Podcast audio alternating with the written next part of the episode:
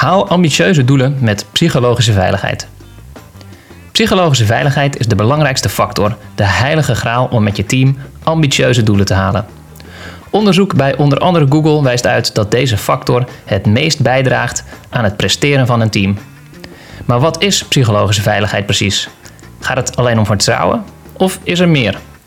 In dit artikel leg ik je uit wat psychologische veiligheid is, hoe je het kan verbeteren en hoe je het zelf kan meten. Getriggerd en wil je jezelf op je psychologische veiligheidsskills nog verder upgraden? Schrijf je meteen in voor het gratis webinar op 15 september.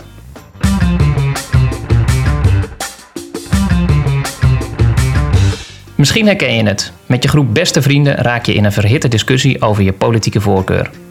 Gevoelige onderwerpen schuwen jullie niet. Al staan de opvattingen regelrecht tegenover elkaar, je bent niet bang om jouw mening te verkondigen en te verdedigen. Ook al is die misschien heel anders dan die van je vrienden en zoek je soms het randje op.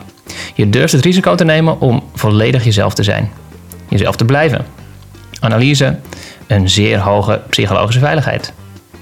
Maar wat is psychologische veiligheid precies?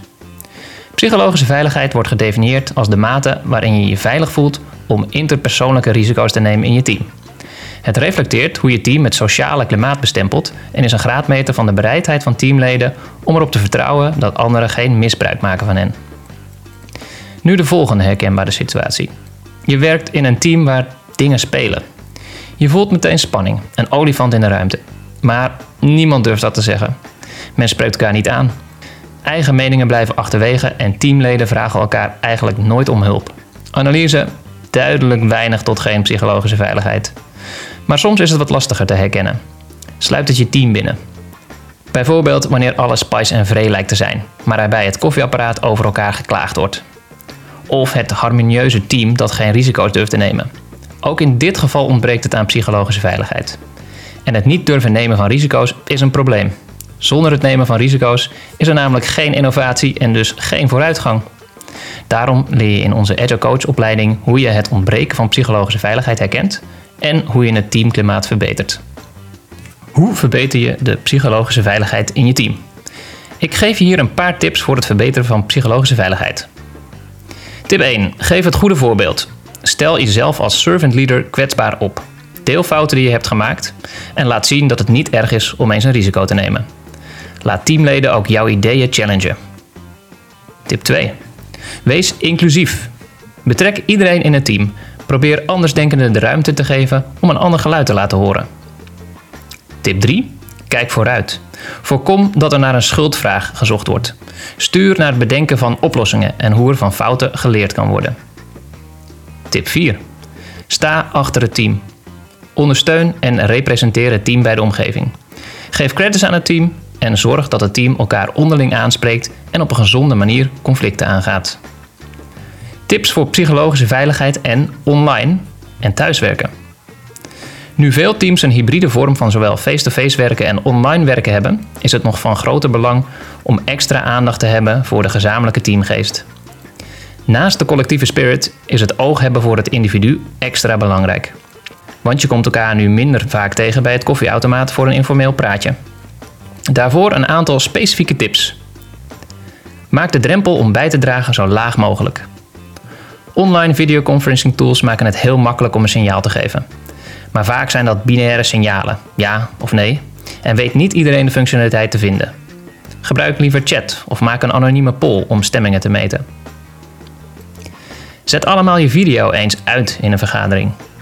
Door je video uit te zetten ben je heel gefocust op het luisteren en minder geneigd af te gaan op interpretaties van lichaamstaal. Gebruik breakout rooms. In kleinere groepen spreken mensen zich sneller uit en durven ze eerder nieuwe ideeën te delen om ze daarna plenair te delen. Spreek na afloop de mensen die stil waren. Probeer na een meeting eens een informeel gesprek te beginnen met degenen die wat stiller waren. Gebruik hierbij de tips uit de vorige paragraaf.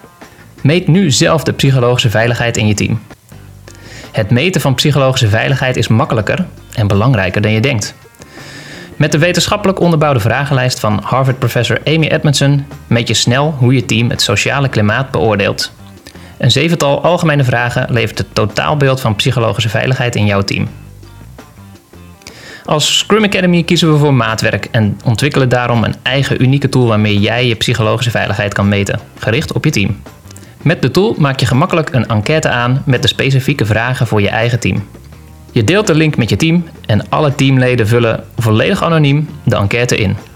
De resultaten zijn meteen grafisch in te zien. Neem de resultaten mee in je retrospective en bespreek ze met je team. Herkennen en erkennen van het ontbreken van psychologische veiligheid is de eerste stap naar het verbeteren ervan. Nu lekker zelf aan de slag. Leg de psychologische veiligheid van je team bloot en zet stappen om deze te verbeteren. Kom je niet uit? Bel ons, we helpen je graag verder. Je vindt de tool op teamboosters.nl. Schrijf je ook in voor ons gratis webinar.